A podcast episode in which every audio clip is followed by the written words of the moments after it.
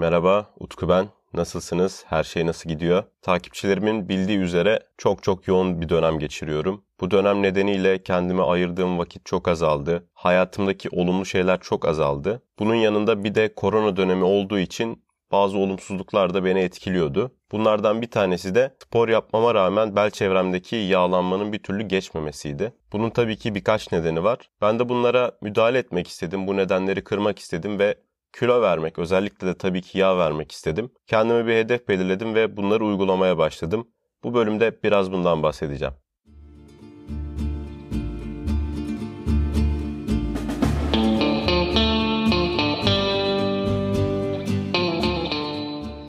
...2020 Mart'ıydı. O zamana kadar ulaştığım en iyi vücuda ulaşmıştım. Ağırlık kaldırmak çok iyi gidiyordu. Ağırlıklarım artıyordu. İyi besleniyordum. Rahat bir stajda olduğum için o dönem kendime vakit ayırabiliyordum. Sporumu rahat yapıyordum. Yemeğimi düzenli ve dengeli yiyordum. Sonuç olarak bu da hayatıma yansıdığı gibi vücuduma da yansıdı. Yağ oranım çok güzeldi. Karnım düzleşmişti. Bu işi bilenlerin anlayacağı o definition görüntüsüne ulaşmaya başlamıştım. Hop sonra işte o 2020 Mart'ının meşhur korona tedbirleri geldi ve eve kapandık. 2 hafta 3 hafta derken bir baktık zaten aylar geçmiş. Bu süreç zarfında da çok fazla kilo verdim. 91 kilodan 84 kiloya düştüm. İşin kötüsü verdiğim kilonun çok büyük bir kısmı da daha önce yaptığım kaslardandı, o kütledendi. Öyle olunca define olmak yerine küçüldüm ve hiç beğenmediğim bir görüntüye ulaştım en sonunda. Zaten evde yatıyorsunuz aylarca. Yaptığınız egzersiz çok sınırlı, yapamadığınız için moraliniz bozuluyor. E, beslenmeniz kötü çünkü stres altındasınız ve bu stresi direkt olarak atabileceğiniz pek bir yer yok. Evde sürekli tıkılı kalmak gerçekten çok zorlamıştı herkes gibi beni de. Her neyse en sonunda ulaştığım vücut skinny denilen vücuttu. Bu vücuttan kaçmak için aylarımı vermiştim. Kaçmıştım. Çok güzel bir görünüme ulaşmıştım. Sağlığım iyiydi fakat hayat bazen sizi en beklemediğiniz yerden en beklemediğiniz şekilde vuruyor. Bu karantina dönemi de beni kaçtığım vücuda geri döndürmüştü. Yapacak da pek bir şey yoktu. Karantina bittiğinde ve salonlar tekrar açıldığında hiç beklemeden direkt olarak spora gitmeye başladım. Kütlemi de çok kısa bir sürede geri aldım aslında. O verdiğim 7 kiloyu en fazla 3 ayda geriye almışımdır. Bilenler anlayacaktır bu çok hızlı bir geri dönüş. Bu da kas hafızasına bağlı bir şey tabii ki. Ama o göbekte hiç gitme olmadı. Sadece göbekti değil bel çevresi yağlanması. Özellikle erkeklerin omuzlarip olduğu korkunç simit ve önde kendini gösteren göbek bir türlü gitmedi. Küçüldü, azaldı ama bir türlü gitmedi. Bunda tabii bazı sebepleri var. Sebeplerden ilki egzersiz düzenimin eskisi gibi tam oturmamış olması. Bunun sebebi de tabii ki intern doktorluk, sürekli okula gitmek, hastanede çalışmak, spor yapacak zamanın bazen motivasyonun kalmaması. Bu noktada disipline devam ettirmeye çalışıyorsunuz ama her şey sonsuza kadar disipline de yürümüyor. Çünkü ne kadar disiplininiz olursa olsun o kalan boş zamanınızda daha önemli işler yapmaya çalışıyorsunuz, ders çalışmaya çalışıyorsunuz ve spor ikinci plana gidiyor. Yapacak bir şey yok. Ne yapalım? Bir diğer sebep kötü beslenme. Kötü beslenmenin bence hiçbir şekilde bahanesi yok. Bu benim yaptığım bir hataydı. Konfor gıdaları yemek, abur cubur yemek insanın kendine yaptığı en büyük kötülüklerden bir tanesi. Sigara içmek gibi bir şey belki de daha kötü bir şey bilmiyorum. Siz karar verin buna. Ben abur cuburu Eskiden çok severdim, bir ara çok bıraktım ve hiç sevmiyordum. Çikolata bile yemiyordum. Geri döndüm. Niye geri döndüm abur cubur yemeye? Çünkü vücudunuzda hiç dopamin denen maddeden kalmıyor. Mutlu değilsiniz, hayattan zevk almıyorsunuz. Çünkü koronadan dolayı dışarı çıkamıyorsunuz. İstediğiniz şeyleri istediğiniz zaman yapamıyorsunuz. Hürriyetinize kelepçe takılmış durumdasınız. Bir diğer yandan hastanede köle gibi çalışıyorsunuz. Köle gibi çalışırken de köle gibi yiyorsunuz. Örneğin şöyle bir şey söyleyeyim size. Genel cerrahide bir akşam nöbetteyiz. Ameliyat olduğu söylendi.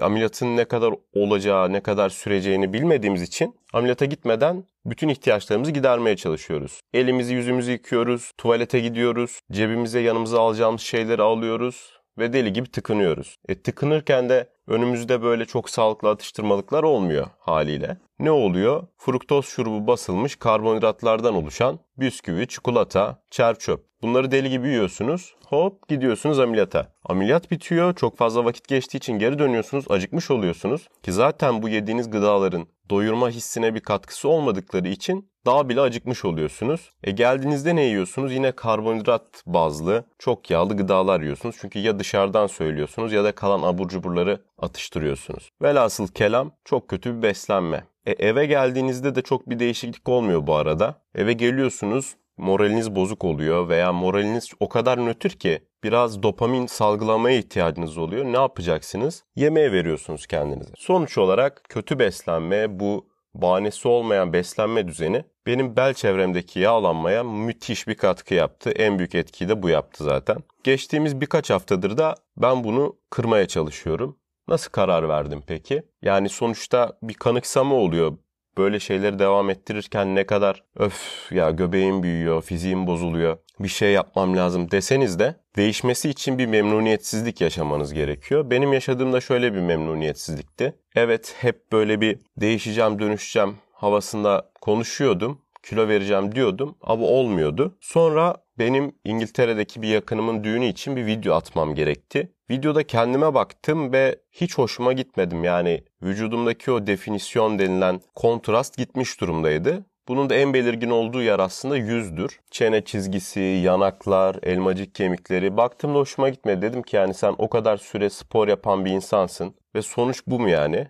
Hiçbir bahanen olmamalı senin. Tamam düzgün spora gitmiyorsun. Adam gibi beslenmiyorsun. Ama bunun sonuçlarına katlanmak istiyor musun? Tabii ki anında cevabını verdim. Katlanmak istemiyorum. O zaman ne yapmam gerekiyor? Bir şeyleri değiştirmem gerekiyor. Hemen başladım tabii ufaktan. Bunu düşünmeye başladığım an kalorilerimi, aldığım o besinleri düşürmeye başladım. Ama kafamda da tam bir yol planı yoktu. Nasıl yapabilirim, nasıl edebilirim diye tam düşünmemiştim. Bu ikinci noktada da işte aklıma bir yol haritası çizmek geldi. Öyle çok amşan bir şey değil ama aslında herkes tarafından da özellikle hiçbir hastalığı yoksa tabii ki kullanılabilecek bir yöntem. Dedim ki aktif olduğum günlerde normal yiyeyim ama kesinlikle abur cubur yemeyeyim, karbonhidrata çok abanmayayım. Aktif olmadığım günlerde de intermittent fasting yapayım. Aktif olduğum günlerde nasıl besleniyorum mesela bir örnek vereyim. Aktiften kastım da işe gittiğim günler. Bu aralar acildeyim zaten çok aktifim. Sağ olsunlar bizi kullandıkları ve çalıştırdıkları için oturmuyorsunuz ve kalori yakıyorsunuz. Böyle bir olumsuzluğun içinde bile bazen işte böyle bir yan efekt mi diyeyim, yan etki mi diyeyim, olumsuzluk mu diyeyim, olumluluk mu diyeyim bilmiyorum ama bir şey çıkıyor.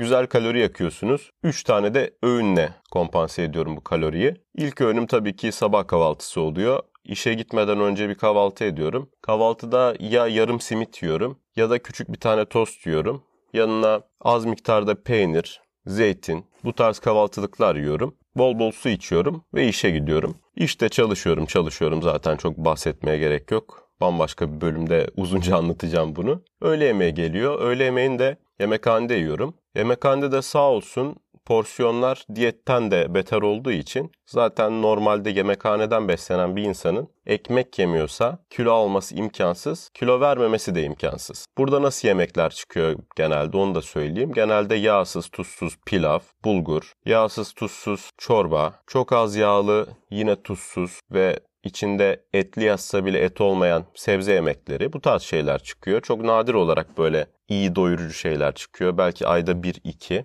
Bunları yedikten sonra yine çalışmaya dönüyorum. Çalış çalış çalış. Ondan sonra da tabii ki eve geliyorum.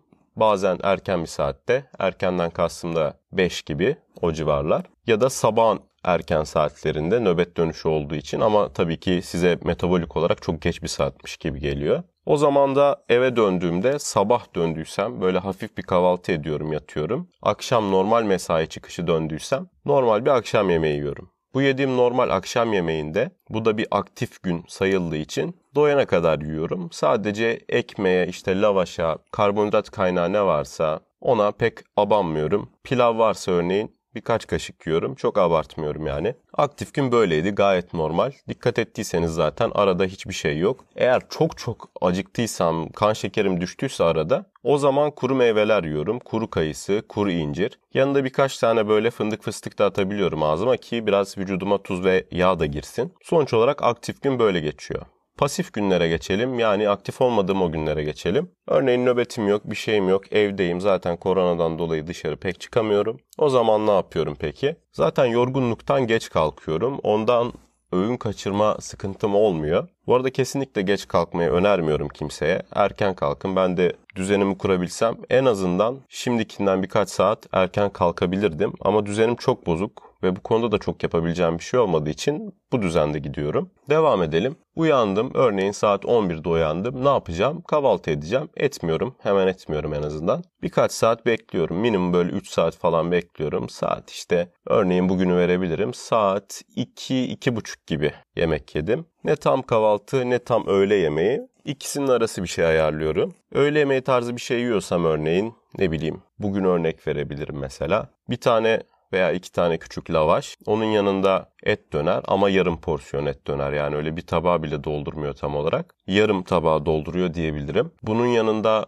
kaşar veya peynir yenilebilir. Kibrit kutusu kadar değil elbet ama çok da büyük değil bir kalıpta değil yani. 2-3 kibrit kutusu kadar diye tarif edebilirim. Yanında da işte ya limonata içiyorum şekersiz ya da şalgam suyu içiyorum. Kalorisi çok az ve çok faydalı bir içecek. Ben çok seviyorum yani her öğünde şalgam suyu içebilirim bu arada. Bu öğün bitmiş oluyor. Bu öğünden sonra işte kahve içiyorum. Kahve içerken yanına bir tane tatlı niyetine varsa kurabiye, kek koyabiliyorum ama yine küçük veya ince bir dilim şeklinde koyuyorum. Ve arada bol bol sıvı tüketmeye devam ediyorum. Günde 3 litreyi tüketiyorum. Yaz olsa daha bile fazla tüketirdim. İkinci öğüne geçelim. Mesela şu an daha hala ikinci öğünü yemedim. Muhtemelen birkaç saat sonra yiyeceğim. Saat 7.30-8 gibi yerim. Akşam yemeğinde ne varsa onu yiyorum. Genelde protein ağırlıklı besleniyorum ben. Yanında az miktarda yeşillik tüketebiliyorum ama ekmek veya karbonhidrat kaynağını çok kıstım bu aralar. Bu akşam yemeğinde de muhtemelen küçük bir dilim ekmekle beraber veya bilmiyorum belki makarna yerim. Bir kepçe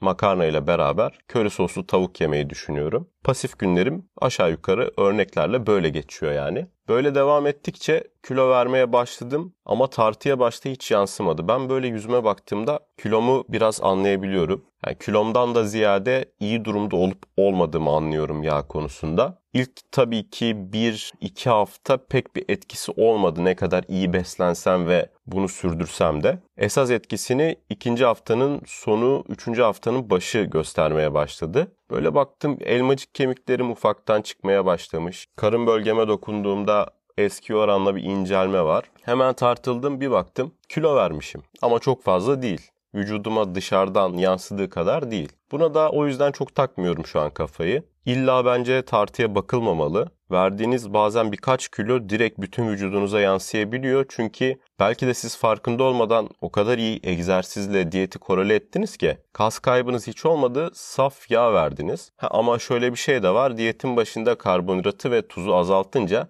ilk önce verdiğiniz şey genellikle su oluyor. Bu da kötü bir şey değil aslında. Vücudunuzdaki o karbonhidratın fazla tutturduğu suyu atmak güzel bir his. O baştaki ağırlıklarınızdan, safralarınızdan kurtulmuş gibi oluyorsunuz. Bunun bir güzel tarafı da şu. Eğer gün içinde fiziksel aktivite içindeyseniz veya spor yapıyorsanız o attığınız su ve baştaki kilolar sayesinde daha az terliyorsunuz. Efor sarf ettiğinizde bile vücudunuz buna çok kolay adapte olabiliyor. Gördüğünüz gibi beslenme konusunda aslında kendimi çok sıkmadım. Sadece abur cuburdan uzaklaştım. Karbonhidrattan kaçındım. Yarı intermittent fasting yöntemiyle de güzel güzel kilo verdim ve ilerlemeye devam ediyorum. Kaç kilo verdiğimi soracaksınız belki merak edeceksiniz. Sadece böyle bu beslenme düzeniyle 6 kilo verdim. Yaklaşık bir haftadır da tartılmadım. Belki daha bile fazla olmuştur. Bilmiyorum. Su tutmuşumdur. Belki daha az gözükür. Ama görüntümde bir iyileşme var ve bu çok hoşuma gidiyor benim. Bir diğer yanından da konuşalım. Ben zaten kayıtlarımda hep bahsettiğim için çok çok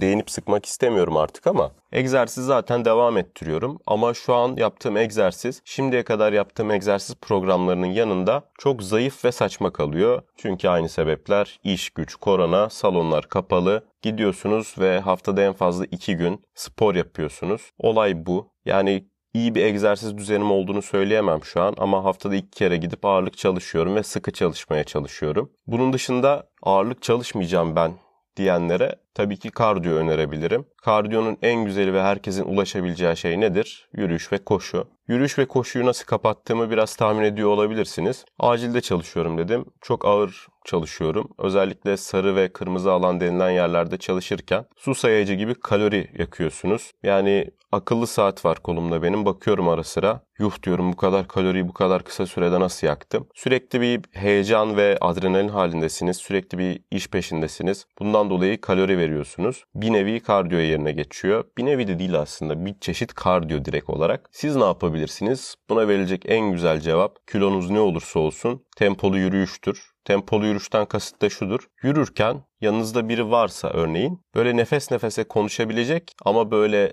rahat bir şekilde konuşamayacak durumda olun ya da şarkı söyleyemeyecek durumda olun derler. Bu da şu anlama geliyor aslında. Nefesinizde bir artış olsun. Normal bir nefes alış tarzında evde oturur gibi yürümeyin, tempo kazanın diye. Zamanla zaten vücut çok çabuk adapte olduğu için temponuzu arttırmanız gerekecek. Bu da güzel bir şey. Demek ki egzersiz kapasiteniz artıyor ve tabii ki kilo vermeye de çok yardımcı olacak. Ama özellikle şimdi eklemek istiyorum ki çok spor yapan bir insanım. Çok ağır yaptığım, çok çok iyi yaptığım dönemler oldu. Spor vazgeçilmez bir şey. Ağırlık egzersizi bence mutlaka eklenmeli. Ancak ve ancak iyi beslenmiyorsanız ne yaparsanız yapın, isterseniz bütün gün paranda atarak gezin, o göbek oluyor. Bundan kurtulmanın ilk adımı kesinlikle iyi bir beslenme düzeni olmalı. Beslenme ve spor bahsettik güzel. Bir de kilo vermenin aslında kilo vermekten de ziyade bir hedef ve amaç koyup peşinden gitmenin bazı güzel yanlarından bahsetmek istiyorum. Kilo verince tabii ki mutlu oldum çünkü aynadaki görüntüm güzelleşmeye başladı. Hala da devam ediyor ve bu beni çok mutlu ediyor. Zaten bunu sizle paylaşmamın nedeni bu. Belki size de yardımcı olur. Ben bu mutluluğumu paylaşıyorum. Belki orada bir yerde birisi vardır ve ben zaten bunu yapabilirim. Bir deneyeyim deyip bir ateş alır ve başlar. Güzel.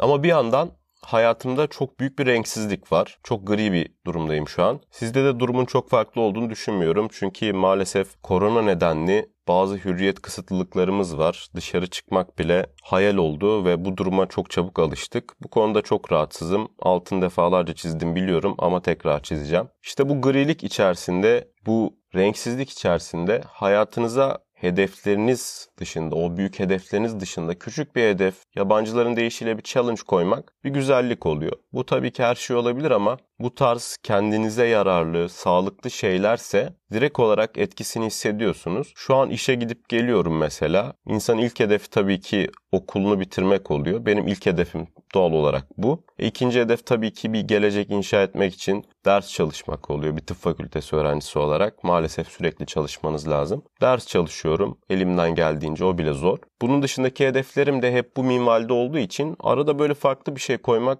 çok hoşuna gidiyor insanın. Hele ki bunu başarmak daha da iyi geliyor. Çünkü şunu biliyorum okuduklarımdan anladım, yaşadıklarımdan gördüm ki hedefsiz kaldığında bir insan sürüklendiği yer çok karanlık bir nokta oluyor. İnsanın hayatında küçük ve büyük hedefleri olmalı ve bunun peşinden gitmeli diye düşünüyorum. Bunun dışında tabii ki bu konuda konuşulacak çok şey var. Ama bu hafta, bu bölümde kilo vermekle ilgili konuştuğumuz için bunu bununla bağdaştırdım. Eğer bir yerlerde bunu dinliyorsanız bilin ki birkaç kilo verdiğinizde çok iyi hissediyorsunuz. Bir insan, arkadaşlarınız size sen kilon verdin, iyi gözüküyorsun gibi şeyler söylediğinde çok iyi hissediyorsunuz. Ve hayatın diğer alanlarına da bir fayda, bir pozitiflik gösteriyor. Kendinize yatırım yapmış gibi hissediyorsunuz ve bunu direkt görmek sizi çok motive ediyor. Ondan küçük hedeflerin peşinde gitmek, ara sıra Gittiğiniz yolda bir sağa sola sapıp mola vermek, başka hedeflerden tekrar normal hedeflere dönmek veya veya veya bu hedeflerin yanında küçük kısa hedeflerin peşinden gitmek çok çok faydalı oluyor.